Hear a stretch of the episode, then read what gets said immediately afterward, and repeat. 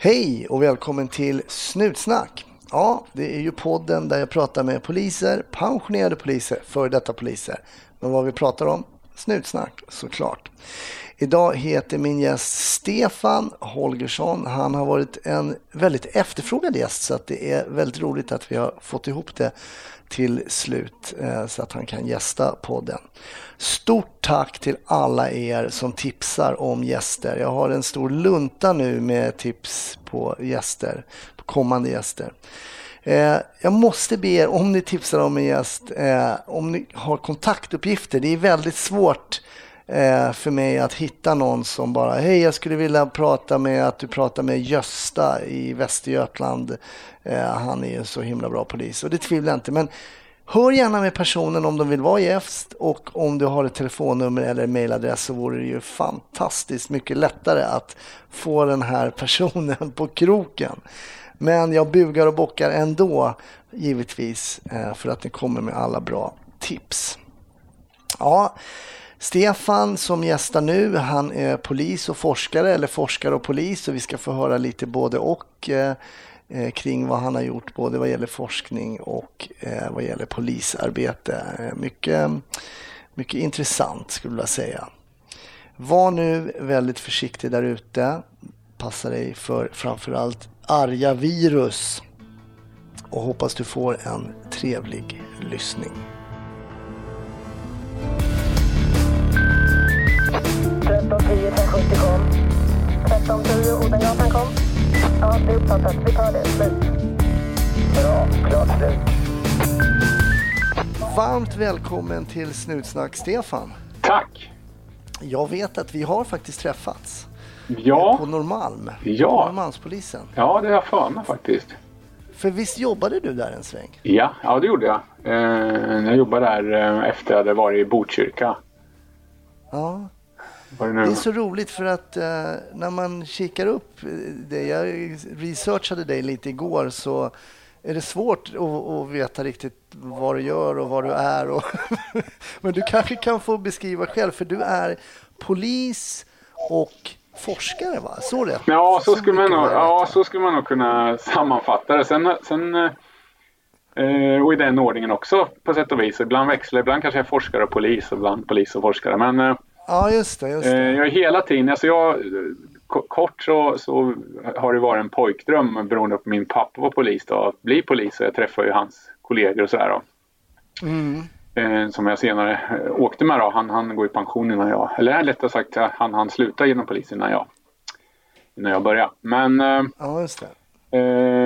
ja, sen så började jag som polis och har jobbat som det hela tiden, även när jag har forskat, även när jag har doktorerat. Jag hade inte jag jobbade heltid och sen gjort det vid sidan om man säger av polisyrket. Okay. Men sen nu på senare tid när, när jag har fått familj och så här så har, har jag dragit ner på både forskningen och polistjänsten då, om man säger så. Så nu jobbar jag procent på bägge anställningar.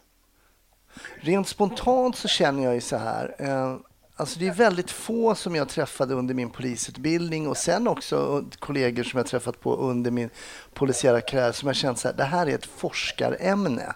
Alltså forskning låter ju, ursäkta mig, men det är liksom lite, så här, låter lite nördigt och polisyrket är ju då fördomsfullt onödigt. Ja, exakt. Förstår du vad jag menar? Ja, absolut. Det har jag träffat på också. Nej, min, min tanke var inte att forska egentligen, utan det här det, det var, alltså jag har alltid tyckt, ja, varit nyfiken och så här, så jag har ju läst lite saker, jag har läst lite kurser på universitetet och sådär och sen ringde det en, eh, en forskare en morgon när jag hade jobbat nattpass och väckte mig och frågade om jag ville bli doktorand och jag var väl ganska intresserad av att avsluta samtalet men på något sätt så Ja men jag sa, sa väl jag fundera eller något sånt men jag var ju polis och sådär. Men det kanske går jag bägge sa hon. Ja kanske och sen ja, jag måste sova och sen sov och sen så var det inget mer. Men sen, sen när jag jobbade på Norrmalm faktiskt så, så Eh, och framförallt då innan, för jag var ju, gjorde praktiken på tunnelbanepolisen och, och då var det ju, hade man inte ens elskrivmaskiner. Jag, kan ju, jag, kunde ju, jag kunde ju fingernedsättning men det gick,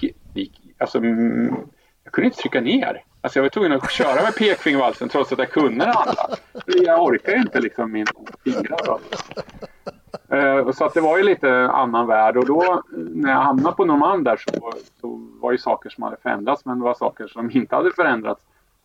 Och då började jag fundera så här att, att jag vill ju verkligen ha en bra polis och om man ska komma med idéer och synpunkter kanske ändå är bra att ha ett forskarperspektiv. Man kanske lyssnar och mer om man kommer med förslag. Så då tog jag kontakt och sen så ledde det ena till det andra att jag hamnade på forskningsenheten på Stockholmspolisens forskningsenhet. Och fast under förutsättning att jag fick vara ute 50 procent. Mm. Annars var jag inte det. intresserad för att jag kände att det var så, dels så, så himla roligt och sen också kände jag att det alltid ja, det är bra att ha kontakt, alltså, precis som läkare som forskare, att vara i i klin, alltså hålla på med sjukvård och samtidigt forska, att det är en fördel. Alltså.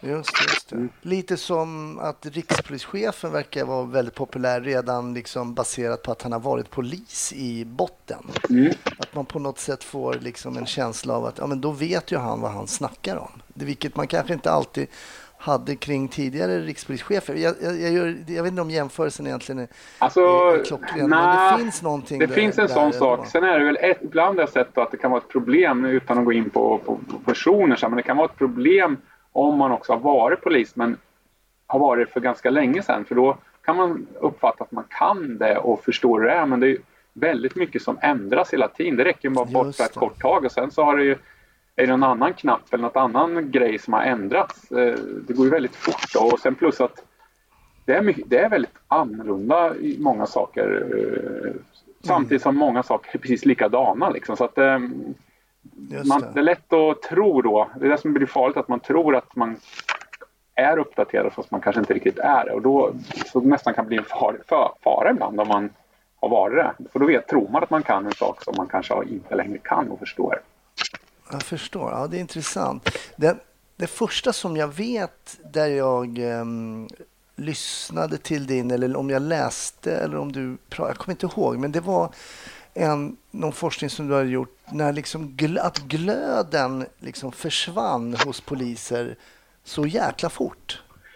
Ja. Det handlade, om, det handlade väl om att man kommer in i yrket med väldigt starka känslor om mm. att förändra och så vidare. och så vidare. Men sen så visade sig när, man, när, när ni kollade det här att det tas ur poliser ganska fort, eller man tar det ur sig själv kanske. Men hur, hur, hur var det där? Nej, ja, exakt. Jag, jag åkte runt i landet och, och, och, studerade hur man skulle kunna förbättra avrapporteringssystemen. De, de fanns ju behov av att ändra. Då. Ja. Eh, och eh, det som slog mig var att det var väldigt stor skillnad i, i liksom sätt att jobba på olika ställen också mellan individer. Och man fick ju jobba med väldigt många poliser. Och sen när jag tittade på statistik också såg jag att det var väldigt stor skillnad. Så både kvalitativt och kvantitativt kunde man se skillnader. Så då började jag göra intervjuer och intervjua väldigt många poliser och fråga lite grann hur de såg på saker. Och det som framkom var att, att polisyrket på på tid så kan man lära sig, bli en, lära sig väldigt många saker. Men tiden gör också att man blir frustrerad av olika sätt. På olika sätt. Okay. Och, okay. och, eh, som gör att man eh, ibland kanske man inte gör ingripande för att man vet att det inte leder till något, att det är rationellt. Eh, ibland mm. gör man inte ingripande för att man ja, olika sätt inte vill ta konsekvenserna av det för man ska vittna och liknande på fritiden. Ibland så är det andra skäl. Eh, men det som var slående var att, eh, att det var en väldigt stark eh, påverkan som organisationen hade och det handlade om ledarskap, feedback och hur rättssystemet funkar. Och som, framförallt var det rättssystemet som var en väldigt stark källa till frustration och att man kände att det, det här funkar inte. Liksom.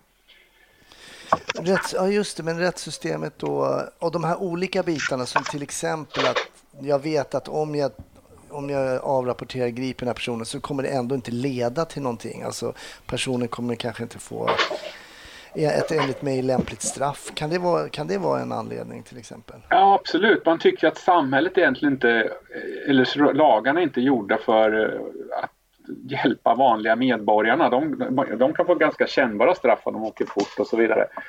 Medan någon mm. återfallsförbrytare som man träffar på om och om igen händer ingenting. De har inga pengar, de, de eh, får ingen hjälp kanske av samhället heller trots att de är uppenbart missbrukar om man skriver papper på det också. Eh, man känner en, eh, man får vittna på fritiden, man känner en väldigt frustration över, man, man tror väldigt mycket, man vill förändra men känner att ja, funkar liksom inte eh, som det är. Och det är ungefär som någon skulle säga en bilförsäljare som skulle sälja en bil, säg Mercedes och sen inte alls tro på, på bilen. Alltså det blir svårt ja, och det blir ju väldigt svårt i den rollen att, att, gå in då när man ser att, att det här inte det är inte gjort liksom för att funka på de som var utanför samhället och väljer en kriminell karriär. Bara en, bara en sån sak eh, låter ju väldigt liksom eh, demoraliserande för, för den som ska utföra yrket. Liksom att man kanske går ner i, i eh, vad ska man säga, i engagemang och mm, att, eh, för jag menar, det, jag kunde ju se också, man märkte ju på en del kollegor mer Vissa, och det ska man väl säga var undantag, gick ju med 100% glöd genom, genom varenda pass. Ja. Medan en del väldigt fort gick från det här, ja men vad spelar det för roll och det där, skit i det där och så vidare och så vidare.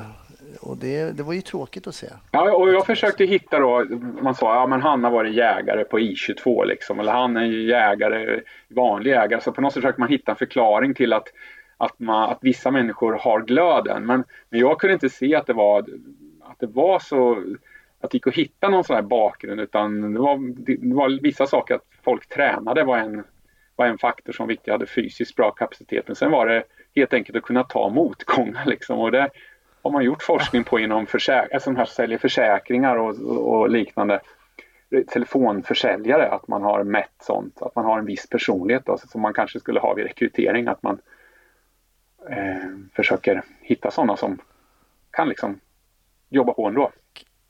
Ja, så det, men hur mycket förändrar... Jag menar, den här, var det här en av de första grejerna som du eh, skrev om? eller? Ja, den första, den första grejen jag skrev om var väl egentligen eh, i, om IT-system att, eh, att de behöver ses över, alltså att det finns ett en förbättringspotential om man säger så på den mm. tiden. Eh, finns väl även nu också, men det har förbättrats.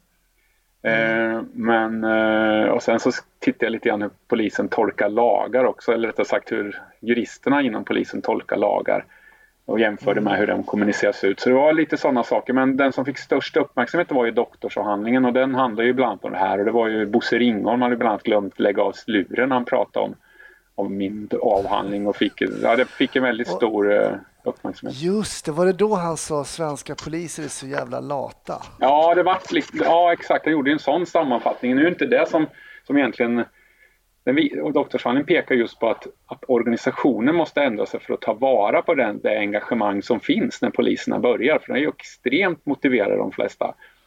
Ja men verkligen. Så det var det alltså, doktorsavhandlingen handlade om. Men det, sen blir det ju tolkningar då att det på något sätt är individens fel när, när jag pekade på att Eh, att det är ju systemet, sen har givetvis individen ett ansvar men, men det är systemet som måste se över. Det har ju faktiskt, det är det som är lite tråkigt att, eh, att doktorsavhandlingen är ju, trots att den är länge sedan jag skrev den, är ju 15 år sedan så, så är den ju mm. fortfarande högst aktuell då med tanke på människor eller poliser som slutar och sådär. När man hör gamla skrönor och jag har hört det här själv när man jobbade på Norrmalm och man kom in och man var ny och man slet och drog och sådär. Så sa ju då en del av de här äldre befälen så här, dra in svansen rävjävel, det dammar. Mm. Alltså, man, du kommer att lugna ner dig liksom. Du kommer också sitta och spela kort liksom. ett tag. Och det där tyckte jag var också någonting som man blev lite sur på. Jag kommer när vi, man började, jag började på Normand då, man var klar 91. Det var en del som tyckte att man typ jobbar för mycket. Liksom. Det var ju det de sa eh, egentligen underförstått. Då. Jo, men det... Du kommer, an, det... du kommer ändå få... Du har ju månadslön. Ja, ja. Jo, men det är ju sådana... Många har framkommit vid intervjuer och också sättet. Jag kommer ihåg en händelse när jag var väldigt ny och då var jag inte aspirant utan jag var nyutexaminerad. Då hade jag skrivit någon eh, en anmälan och sen Håkan hette en som, som jag tyckte var väldigt bra men som var vakthavande befäl och han läxade upp mig ja, på anmälan här att man kan inte skriva det, det, ska inte vara subjektiva uppfattningar här i anmälan utan det ska vara det ska vara liksom objektivt, ja ren fakta ja. och då då, jag har varit så trött för då börjar jag liksom, okej okay, men om vi, du skriver om det är halt ute, men där kan du ju mäta i friktion. är det menar att jag skriver det, du skriver om det är mörkt eller ljust, det kan du ju mäta i lux liksom. Så, så att, sen tog jag exempel efter, och, och tryck, slag kan du mäta i Pascal i tryck liksom. Du skriver ju ändå att du har ett hårt slag och det är ändå, och jag såg bara så här, åh de nya poliserna. Liksom man såg verkligen hur, hur, hur var så jävla jobbiga. Och så det var jag lite jobbig kanske sådär men ehm, ja. det var ju ganska roligt. Vi skrattade åt det liksom sen. Och sen hur, eh, men hur reagerade du själv på dina egna, liksom, det måste ju på något sätt bli en ögonöppnare när du liksom studerar det här och, och kommer fram till vissa slutsatser och sen är du själv ute och jobbar. Jo, men det första som hände när jag var aspirant, när vi, då satt jag i Vällingby och utredde, det var att det var så idiotiska system så jag tog med mig en dator själv, gjorde ett datasystem för att kunna skriva förhör, för då fanns ju bara ja, sådana blanketter och karbonpapper så, så tog jag med mig en skrivare också. Så jag hade en egen dator och egen skrivare för att bara skriva saker en gång och få ut allt. Och det tog ju inte länge att göra. Eh, men och det vart man ju så här, varför gör man inte det här liksom? Det var helt, man vart ju ganska frågande och också massa andra saker som man vart så förvånande över att det var på ett sätt. Och om man, om, vi kan ju återge liksom för lyssnarna och för er som inte har jobbat som, som poliser, då, särskilt på den här tiden. Det var ju papper alltså. Med, det var rosa papper. Först var det ett vitt papper, sen var det ett rosa papper, sen var det ett blått papper. Sen var det, alltså, så var det karbon emellan. Och så, så dunkade vi på det här med skrivmaskiner då och sen satte man Tippex på det översta lagret. Mm.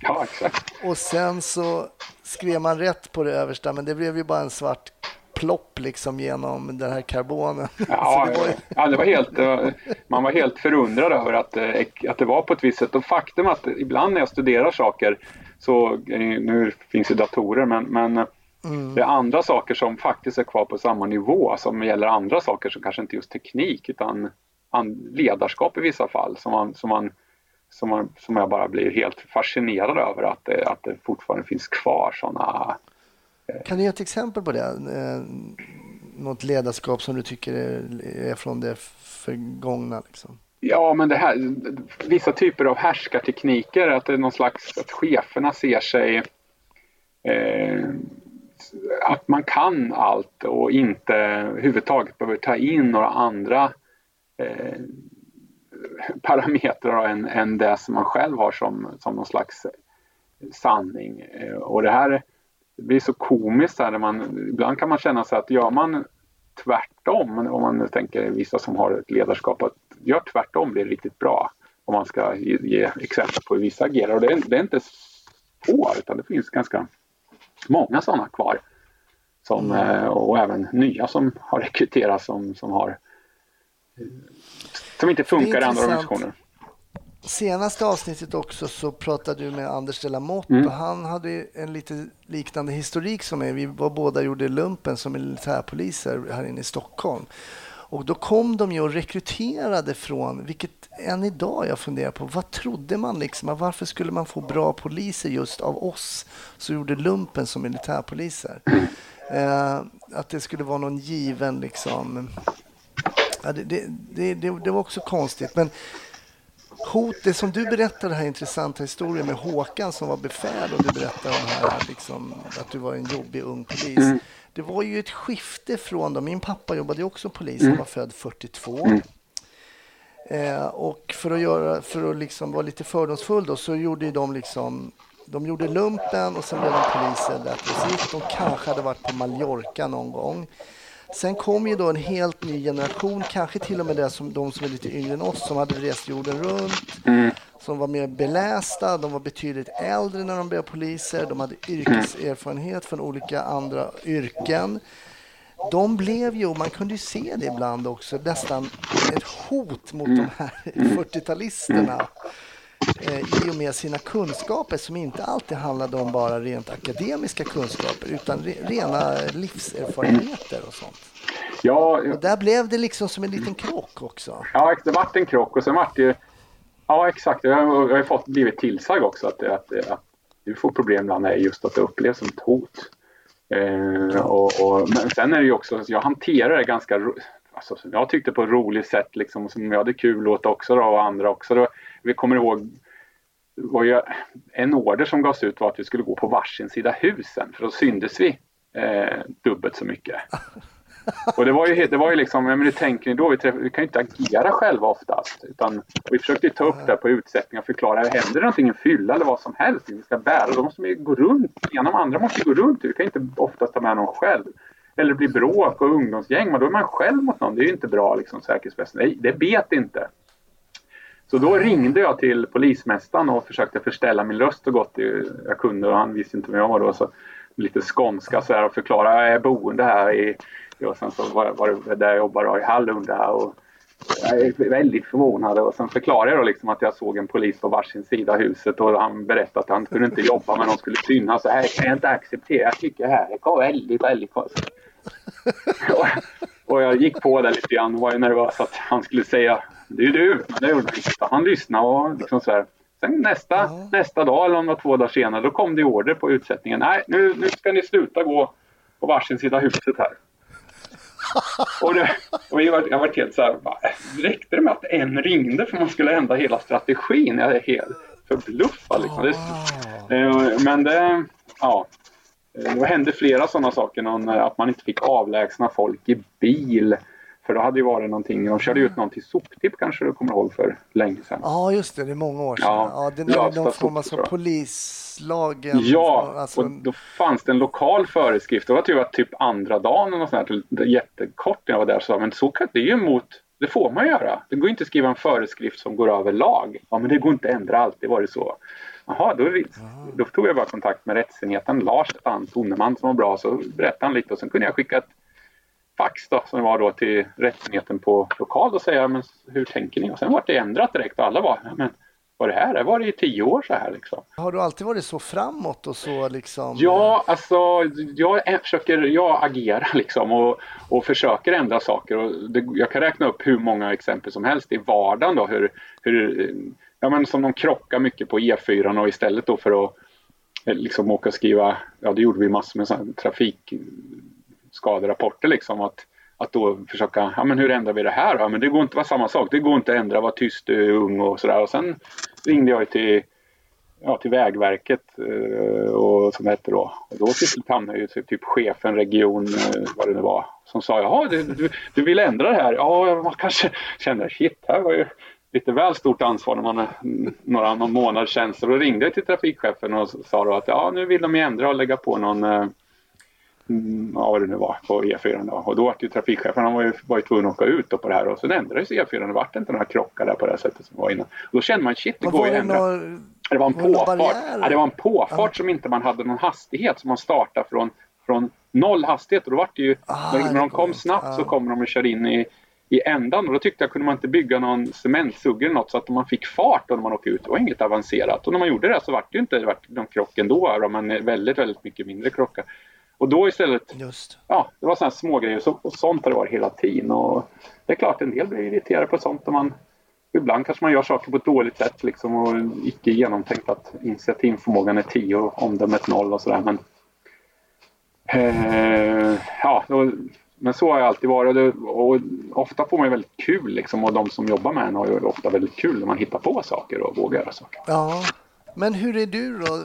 Vad, vad, om vi säger så här, vad var din målbild då? Du berättade att din pappa jobbade som polis och du hade träffat hans kollegor och det verkade spännande så. Men hade du någon liksom målbild kring polisyrket när du gick in på skolan? Att jag vill nog jobba som liksom mordutredare eller vara piketpolis. Hade du någon sån bild? Nej, alltså, en bild var att jag ville vara spanare men det var ju så jävla tråkigt upptäckte jag sen. Alltså, det passar inte mig med ADHD liksom att sitta och titta. Eller jag har i och för sig inte ADHD men jag, typ, jag vill ju att det ska hända saker. Och det märkte jag också när jag fiskar. Jag metar ju hellre än att kasta. Liksom. Jag vill få, gillar att få småfisk, liksom, många, än att kasta och kasta. Liksom.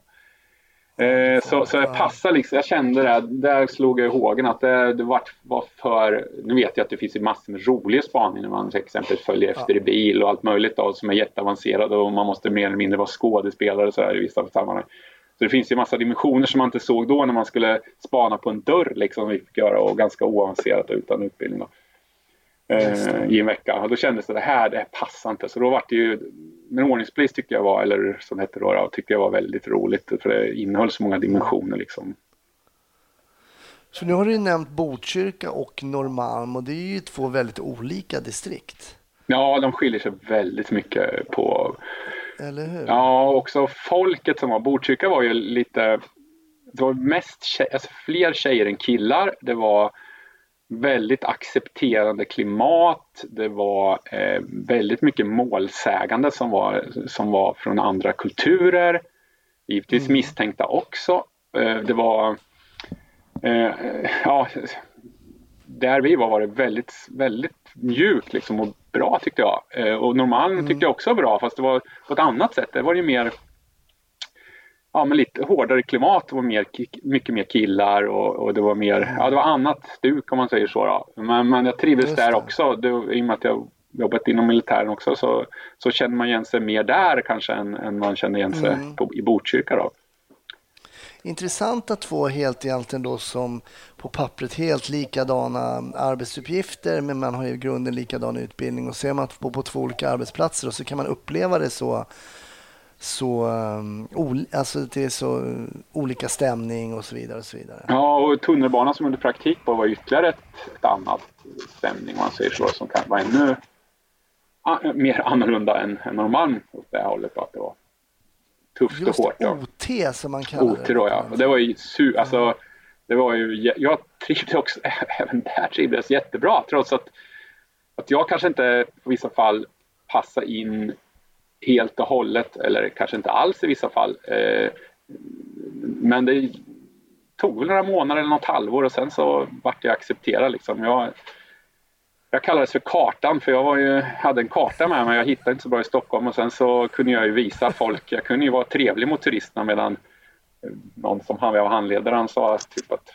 det är väl ingen jävla turistinformation men jag tyckte liksom att vi skulle hjälpa till och jag kommer ihåg vi stod under någon skylt där på, på T-centralen och då kom någon och frågade liksom, var ligger centralstation? Då säger då handledaren läs skylten och sen den andra vänd om.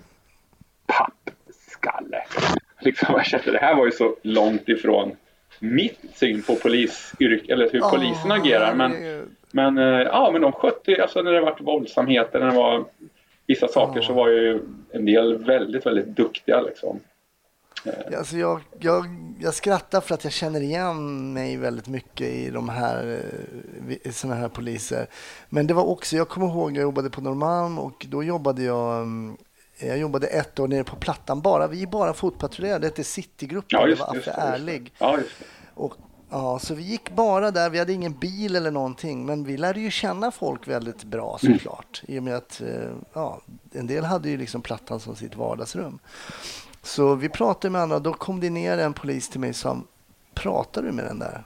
Jag stod och pratade med en känd kriminell. Och, du vet, ibland står man och pratar om väder och vind och, ja, ja. och sådär och hur de har haft det och sådär. Och då säger ja, alltså, det är klart. Så. Jag pratar aldrig med bus om jag inte måste. Och då tänkte jag bara, shit vilket tråkigt jobb du måste ha. alltså så många roliga historier som man har hört bara av att gå fram och prata med, mm. med människor. Och det utan faktiskt att de har gjort någonting. Och en del kom ju fram till oss också eftersom vi var ju också där hela tiden. Och det är ju inte alltid en nackdel att bli tjenis med poliser. Nej, nej. Eh, det kan ju vara till fördel om man ska smyga undan eller prata och, mm. och, och sen, ja men du vet hur jag är schysst. Och så, i, i, vissa fall kan mm. det vara det. Va? Och vilka härliga historier man har fått höra alltså. Det. Ja men det är ju livsöden ofta som, som kan göra det. Absolut. Och det är klart, om man, det finns ju syner bland vissa poliser för att underlätta vardagen, att, nästan att det är någon som har vuxit upp som en svamp i skogen och blivit kriminell. Liksom. Men oftast är det ju massor ja. med ja, andra ja, men olika om, olyckliga omständigheter och, och, val också som varit dåliga till och med också då. Som givetvis mm. kan vara så att man har hamnat i visst läge. Och ibland också i viss, och det har vi hört i podden också, en viss igenkänning liksom att eh, det var ju Armas eh, som var gäst, eh, det är länge sedan nu, men han gjorde ett ingripande mot en person där det bara slår honom helt plötsligt att de har båda finska föräldrar och så vidare. Och så vidare. Det är så mycket som är likt att plötsligt slår det honom när han sitter på Maria Pool eller någonstans och bara, det här kunde ha varit jag. Vi har liksom gått samma, men sen så valde vi, en dag valde vi När stigen gick till höger så gick han till vänster och jag gick. Och det om vi... Jag försökte förklara det för mina studenter på när jag var på skolan att, att liksom, det är ofta tillfälligheter som gör att vi sitter på ena eller andra sidan skrivbordet. Och det får man liksom inte glömma. Och när man tänker man på det så blir det lättare tror jag att, att jobba som polis. Ja, och svårare också kanske. För att det blir, på ett sätt blir det lättare om man sorterar in folk i fack och det är därför kanske en del gör det tror jag. Ja, i och för sig. Alltså, fast det är lättare tror jag att bli en bra polis om man kan se, det var säkert mm. där du menar, så att man kan se att, eh, att det är liksom slumpen och andra och val också som, som, som eh, gör att det går på ett visst sätt. Men det blir jobbigare då att inse att det, att det är så små grejer som gör att något går fel. Snutsnack sponsras av eh, Polisförbundet. Ja, Polisförbundet är ju facket för alla poliser och de kämpar för högre löner, bättre villkor och stöttar dig som polis om du blir sjuk eller om du råkar ut för en olycka eller om du behöver juridisk hjälp. Jag vet inte om du som jobbar som polis känner till något som heter Polisskadestiftelsen. Det här har jag inte hört talas om tidigare, men den här stiftelsen kan ge ekonomisk ersättning till dig som polis om du har blivit utsatt för brott, våld eller på något sätt har skadats i tjänsten. Jag själv blev skadad i tjänsten, blev tilldömd då, eh, skadestånd i rätten, men det här var ju pengar som jag aldrig såg röken av. Men Polisskadestiftelsen har faktiskt sedan starten delat ut över 5 miljoner kronor till poliser som har utsatts för brott i just tjänsten. Och man vet då, eh, en undersökning från Polisförbundet som visar att drygt fyra av tio poliser har utsatts för hot och våld i tjänsten. Ja, känner du som polis att du har drabbats så hör av dig till Polisförbundet. Du som lyssnar som inte är polis eller du som är polis och vill stödja kollegor så kan man hjälpa Polisskadestiftelsen genom att swisha en gåva. Det kan man göra på 123 455 9597. 123 455 9597. Och alla gåvor mottas ju tacksamt, små eller stora. Nu är den stora färgfesten i full gång hos Nordsjö Idé och Design. Du får 30% rabatt på all färg och olja från Nordsjö. Vad du än har på gång där hemma så hjälper vi dig att förverkliga ditt projekt. Välkommen in till din lokala butik.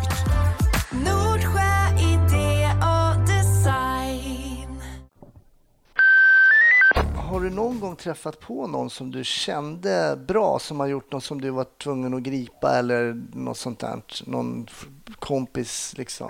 Ja, det har jag nog. Det har jag, men jag, jag kan inte... Ja, jag, jag, har det också, en kompis från eh, gymnasiet som då var missbrukare och det bara... Det blir mm. så märkligt mm. alltså. Ja, det blir, det, det, blir, det blir konstigt när man känner igen och framförallt när man kanske känner igen folk även om man inte gripit dem och ser att att det inte har gått så bra då, eh, för en del. Eh, ja, och en del lever ju inte heller som, som man har känt. Nej, nej, precis. Men idag finns du varken i Botkyrka eller i centrala Stockholm? Nej, jag, har, jag slutade där i september förra året och beroende på fam, av familjeskäl då, och eh, jobbar i Norrköping nu. Som utredare? Nu är jag utredare i mängdbrott och vardagsbrott och slash vad man benämner det som. Eh, och det, jag tycker, tycker det är väldigt kul att vara i yttre tjänst men som sagt det passar inte riktigt min tillvaro nu så att nu har jag valt att vara inne och det är ju också bra med polisyrket tycker jag att man, det finns möjlighet att mm. välja saker. Sen så får man ju inte kanske samma puls eh, riktigt. Eh, samtidigt så ja, samtidigt känner väl också när man jobbar ute att man inte får samma, alltså man, man blir ju inte riktigt eh, jag tycker är väldigt roligt. Man, får inte, man har ju varit i många situationer väldigt många gånger så man blir inte riktigt eh, det är inte lika spännande som första gången givetvis och så är det ju alla jobb. Så är det ju såklart. Första gången så får man puls när det är en snattare på Åhléns. Mm. Eh, och sen kanske det lägger sig lite när man fått de här jobben en tiotal gånger. Något sånt där. För man vet precis vad, hur det kommer gå till.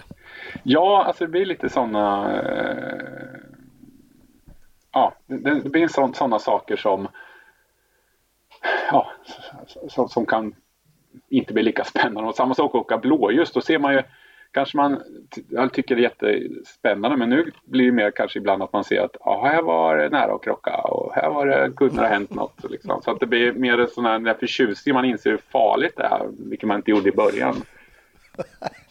vi pratade ju faktiskt lite om det innan vi började spela in, att vi båda är ju föräldrar trots vår eh, relativt eh, ska inte säga hög ålder, men som förälder kanske. Ja, du menar, du menar unga barn? Många, det finns ju många föräldrar som är äldre för sig. ja, precis. Vi har unga barn. Ja. Men just det här att man faktiskt är lite mer skraj. Alltså, det, man har ju varit med och man mm. vet att det kan hända massa jag var inte alls eh, lika skraj när jag blev pappa när jag bara var 23-24 år. Nej, kan jag tänka mig. Jag har ju bara erfarenhet av att vara äldre om man säger. Men sen kan man vara lite lugnare mm. på andra sätt. Det här, som vi också pratade om, att man inser att man inte kan säga några ord som barnet eller att den kan säga några ord mer än något annat. Det spelar ingen roll för när de är 15 brukar de ju kunna säga eh, banan. De flesta orden ändå. Mm. Men det är väl eh, det är väl också, det kan vi väl se på poliser också. Ett exempel som jag tyckte var väldigt bra var ett avsnitt med David Boikelman. Känner du till David? Ja, David. Ja. ja. Han berättade om ett väldigt dåligt ingripande han gjorde i podden. Mm. Ett väldigt dåligt ingripande tycker han själv. Och, men han, när vi analyserade det där lite så, så det var nämligen så att han bad en person släcka cigaretten in i vänthallen på T-centralen i Stockholm. Mm. Eh, och personen vägrade släcka cigaretten och det här utmynnade det att det var, låg typ 15 personer frihetsberövade på golvet. okay, ja. och då pratade vi mycket om ålder. Mm. Att han menade på att han var ung, han kunde sin lagstiftning och det blev en prestigematch liksom. Mm. Mellan eh, den här personen som vägrade släcka cigaretten och han då som hade rätt rent juridiskt. Mm. Eh, och eh, att han kanske idag inte hade börjat liksom vålda på en person som, som vägrar släcka en cigarett.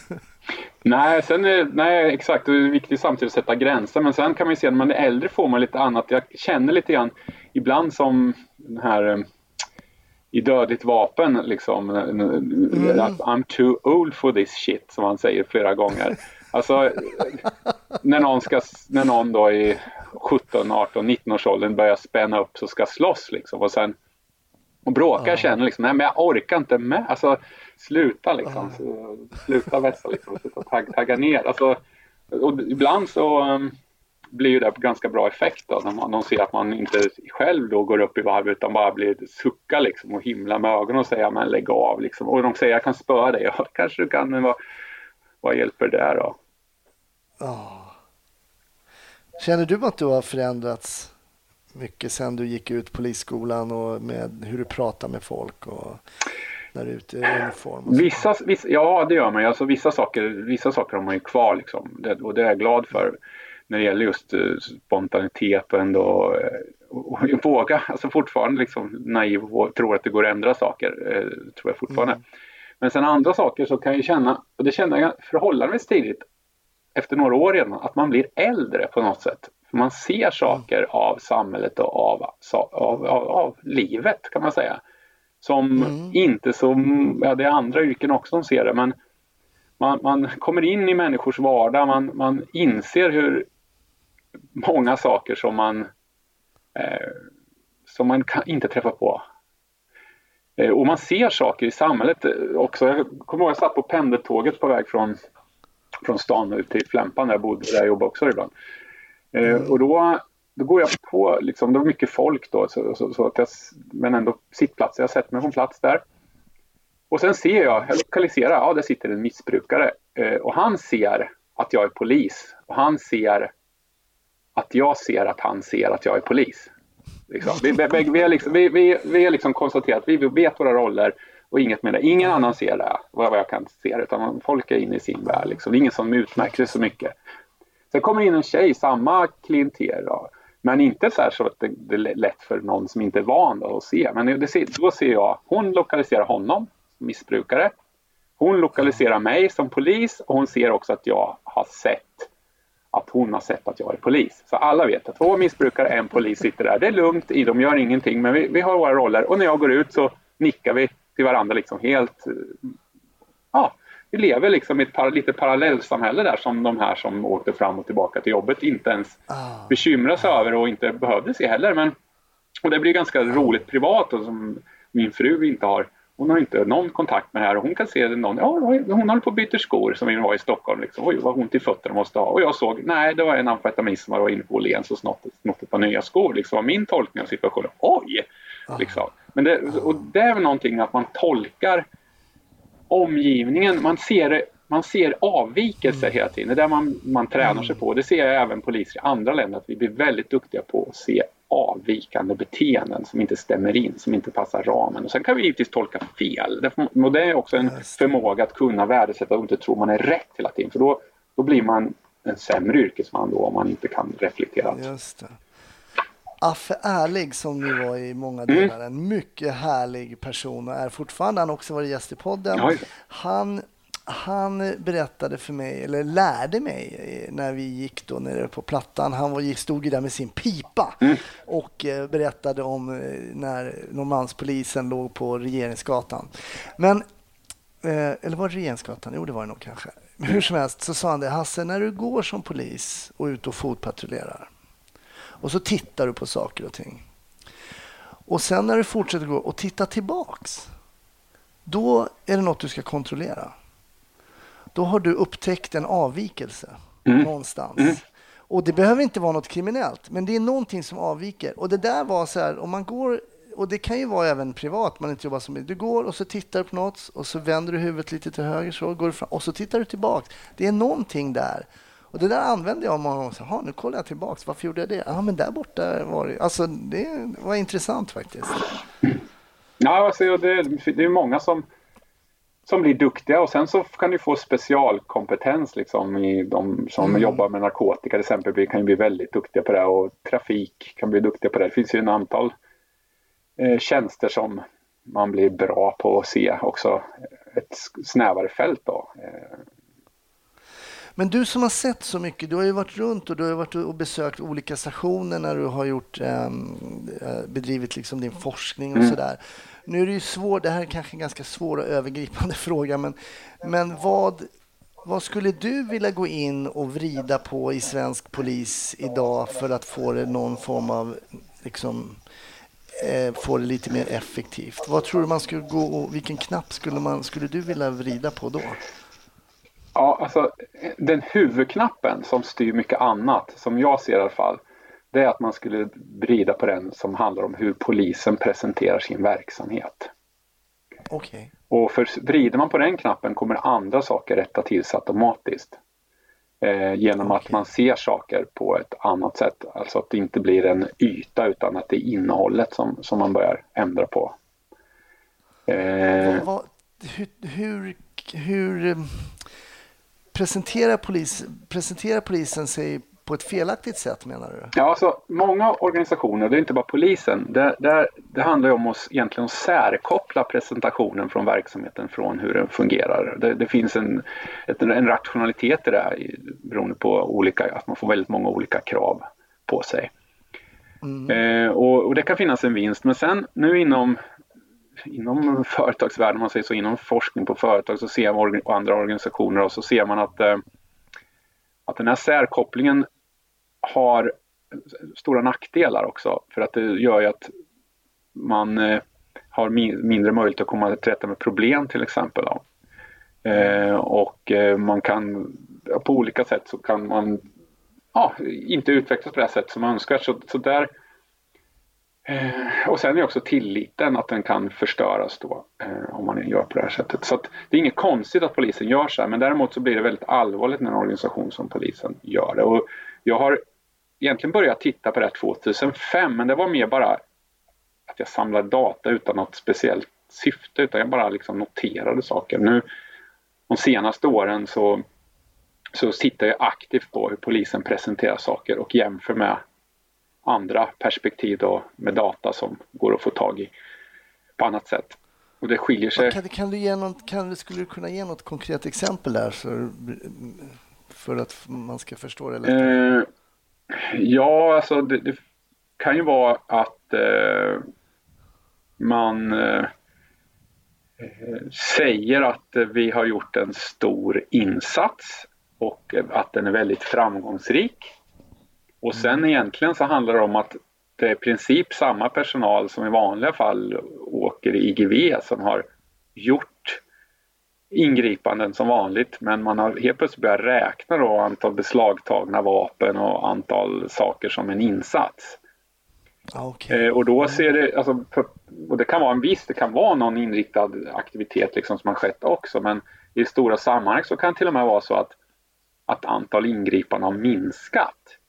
Men Mm. Den bild man målar upp ser ut som det är en jättestor satsning om man tar kort på beslagtagna vapen som tidigare var ännu större fast då gjorde man inte någon sak av det. Utan det, för, det är ah, jättebra polisarbete som bedrivs på olika ställen men det blir farligt då när man börjar då säga ja nu har vi till rätta med gängkriminaliteten här för nu jobbar vi så här. Jaha, eh, men det gjorde vi innan också. Okay.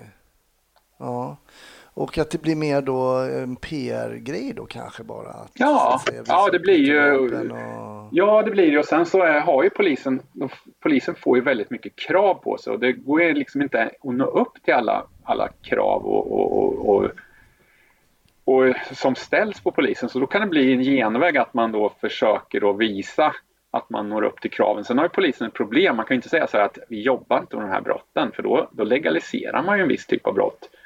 Eh, det kan finnas en vinst i att säga att vi jobbar med det här för att då det kan på något sätt, dels ge förtroende, det är viktigt för polisen att ha förtroende, men också kan det i vissa fall eh, minska brottsligheten genom att man kanske över tycker risken är större än den är eller uppfattar risken större än den är det.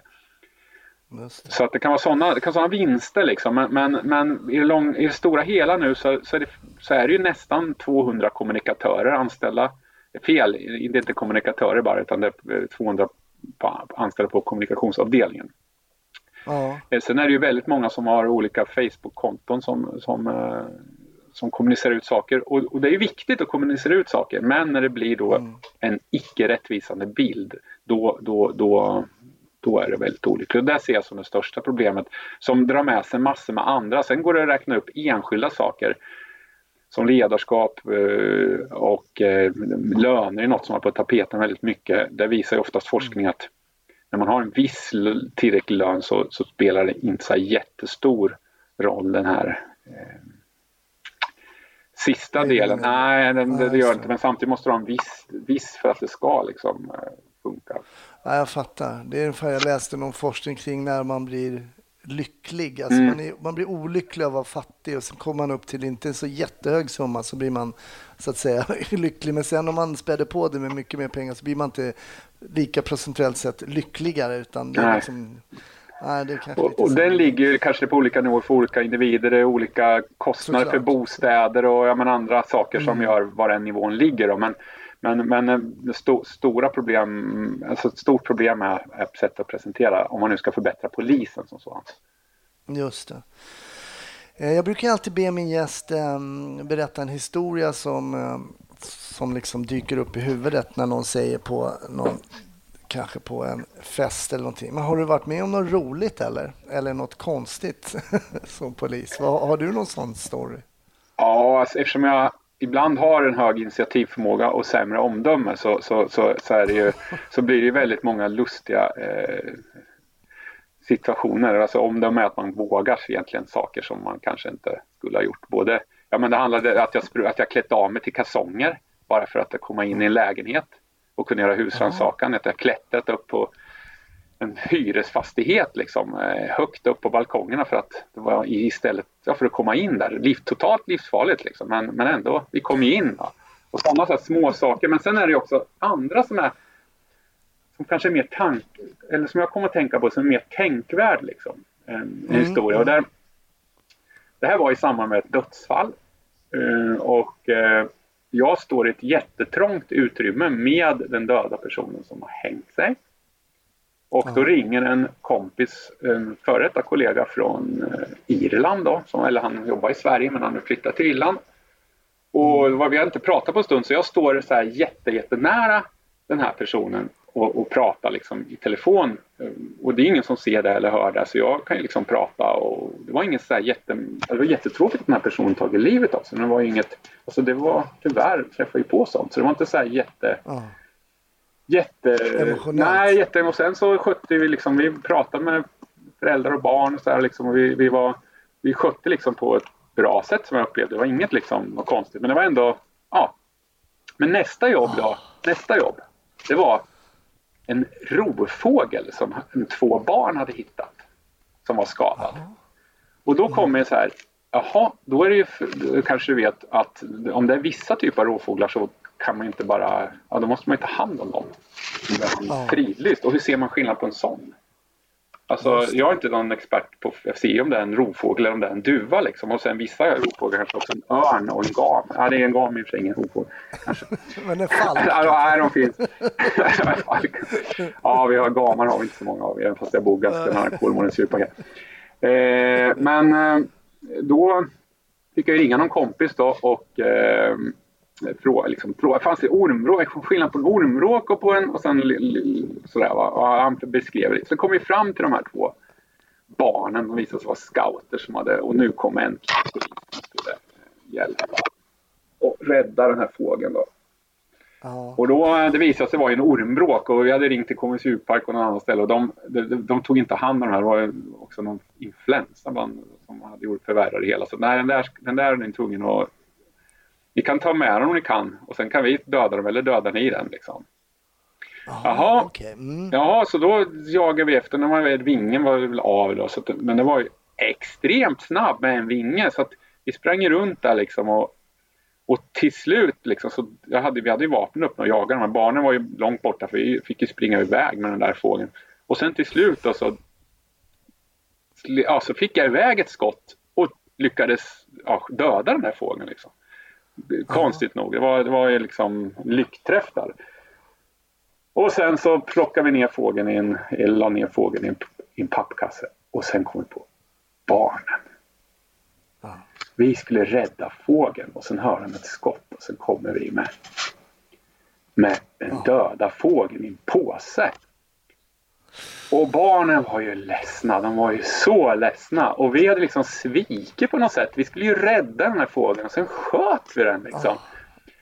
Och, då, och det var så jobbigt och vi pratade, vi la ner massor med tid och trösta barnen och förklara liksom. Och, och då tänkte vi liksom så här, för tre minuter sedan, hade, eller något liknande, alltså, hade vi varit på ett dödsfall. Som var långt mycket allvarligare. Men emotionellt var den här skjutna ormvråken liksom som, som vi mådde dåligt för och som vi, alltså, som vi verkligen emotionellt liksom berördes av bägge två jättemycket. Och det, det är också så här hur konstigt jobbet är att en, en, sak, alltså stå med en hängd person i ett trångt utrymme och då kunna prata med en kamrat helt obehindrat och sen en liten stund senare vara jätteberörd av en död fågel. Liksom. Det, det, blir, det blir liksom sådana växlingar som, jag, som det går att finnas massor exempel av. Inte kanske just den då som jag var med men just det här ah. absurda växlingar mellan glatt och ledsen och sorg och man har olika ja, sammanhang. Då. Intressant. Så att, eh, ja, det var ett exempel som jag kommer att tänka på liksom som just Ja, jätteintressant eh, just de här eh, kasten i det här yrket när man också är så omedveten om vad man går in i härnäst. Liksom. Och att då just i det här fallet att när, när krocken blir så stor, egentligen om, man, om vi tittar på det här då, liksom ett, ett människoliv och du mm du står bredvid det här döda hängande mm. liket mm. och eh, kontra den här fågeln så, så är det ju givet vilket som, som är allvarligare mm. egentligen. Men så blir det ändå den här eh, det emotionella kastet liksom att ni blir mer engagerade i fågeln. Ja, en fågel liksom. Det finns, ja, så, så, men ja, det var, det var väldigt konstigt sådär och det finns ju många sådana hur lämnade ni de här barnen då? Förstod de till slut att liksom det var tvunget att den här fågeln inte skulle så att säga överleva ändå? Eller hur? Alltså de var ju ledsna, men vi hade ju lagt ner all vår energi på, på de här barnen. Så det är klart att de, de, de antingen blir de så övertygade och så pressade att de var tvungna att se glada ut, jag vet inte. Men, men de, de snyftade väl, men de förstod ju att var, de var ju ledsna för fågeln, men de förstod att vi var ju tvungna att göra det här och att fågeln inte skulle klara sig och sådär. Vi, vi, vi... Just att det var scouter också. Det var ja, ja jo, de, jo, det var det ju sådär. Och nu har jag i och för sig själv varit scout och jag kunde inte så många mycket fåglar ändå tyvärr. Just det, ah, att jag har väl glömt de mesta kanske. Men, eh, ja. nej, men det var, det var det är många sådana här situationer tycker jag som är som gör mm. också, som gör att det finns ett väldigt stort, som jag tycker polisyrket är så spännande. Alltså man ska fånga en orm helt plötsligt. Alltså, eller fånga en, ta in en häst i ett hästsläp. Alltså, eller vad det nu kan vara. Alltså, mm. som, som helt plötsligt om man och nästa grej är någon, någon kriminell eller om man är som är jättefarlig som man ska ta en hand. Alltså det, och i vissa, fall händer ingenting. För det är oftast ja. st stora delar är ju väldigt lugnt ändå. Ja, precis. Eh, många, mm. det här fånga orm och, och skjuta ormråk och sånt, det är ju heller ingenting som... Det är inte liksom någon kurs på skolan på två veckor liksom, utan då är det ju... Nej, alltså en, en fågel som flyger är inte lätt att träffa med en sig, sig alltså kan man säga på 20 meters avstånd när den inte låter den komma närmare. Och då flög runt i någon sommarstugområde så det var hela tiden skottvinklar liksom att tänka på så att man inte sköt ihjäl någon sommarstuggäst av. Men satte du den på första? Alltså? Ja, för, ja jag, satt, jag tror det var ett skott, möjligen två, men jag får mig var första. Får kollegan korrigera i sådana fall, men det var inte, det var inte mer än två i alla fall. Jag för mig det var första. Att det, var, ja, det var ju mer tur tycker jag. Oh, intressant. Ja, det, och sånt här står ju aldrig i tidningarna om att eh, Eh, de, här, de här sakerna som polis... Det är så mycket saker som poliser gör som då är, är ointressant för, för eh, rent medialt så att säga. Ja, det där var inget, fanns inget intresse alls liksom, men, men, men det var... Och det, ja, det är mycket. Många sådana grejer, små grejer som man hjälper människor och det är därför ofta tror jag att många har tillit till polisen som det är att de ser att vi, att vi gör saker som i deras vardag liksom och visar engagemang och sådär. Ja. Intressant, men det går ju, det är ju väldigt få deckare, polisdeckare som handlar om poliser som försöker fånga en orm eller, eller rädda en, en, en fågel. Men, ja. men fördriver du din tid ibland med att kolla på eh, polisiär underhållning? Ja, det, det, det, så blir det ju ibland. Då. Men, men det är inte, jag hinner nästan inte med någon underhållning när man, är, när man har barn. Liksom. Det blir, ja, det blir Greta Gris och sådana när man tittar på liknande program. Babbla. ja, och, och liknande. Och man lär sig de här serierna ganska bra. Och jag har en förmåga oh. att, fa att fastna i de här serierna så frun får säga till mig, nu tittar faktiskt inte barnen utan bara du. ah, roligt. Ah, ja, precis. Ja, Okej, okay. men eh, om vi säger nu att du, du, får inte, du får inte tipsa om Greta Nej, nej, jag inte. Nej. Om du skulle tipsa om någonting för, för oss vuxna då, och, och kanske med någon polisiär koppling som du tycker är okej, vad skulle du? Ja, men det, det, det, ja, men det blir, gjort, det blir självklart The Wire tycker jag. Ja. Det är liksom, det, för mig är det, den, den är jättebra för den visar så mycket dimensioner. Och jag tittar bara på, ja. jag ska säga att jag, vill, jag tittar bara på tre, tror det var tredje säsongen för jag tyckte det var ett bra slut där. Jag ville inte se fyran och femman för jag ville själv då ha ett bra slut. Just det. Så, som andra inte tittat på. Men, men trean, i alla fall till trean så, så var det jättebra. Sen hörde jag att det var bra sen också. Men...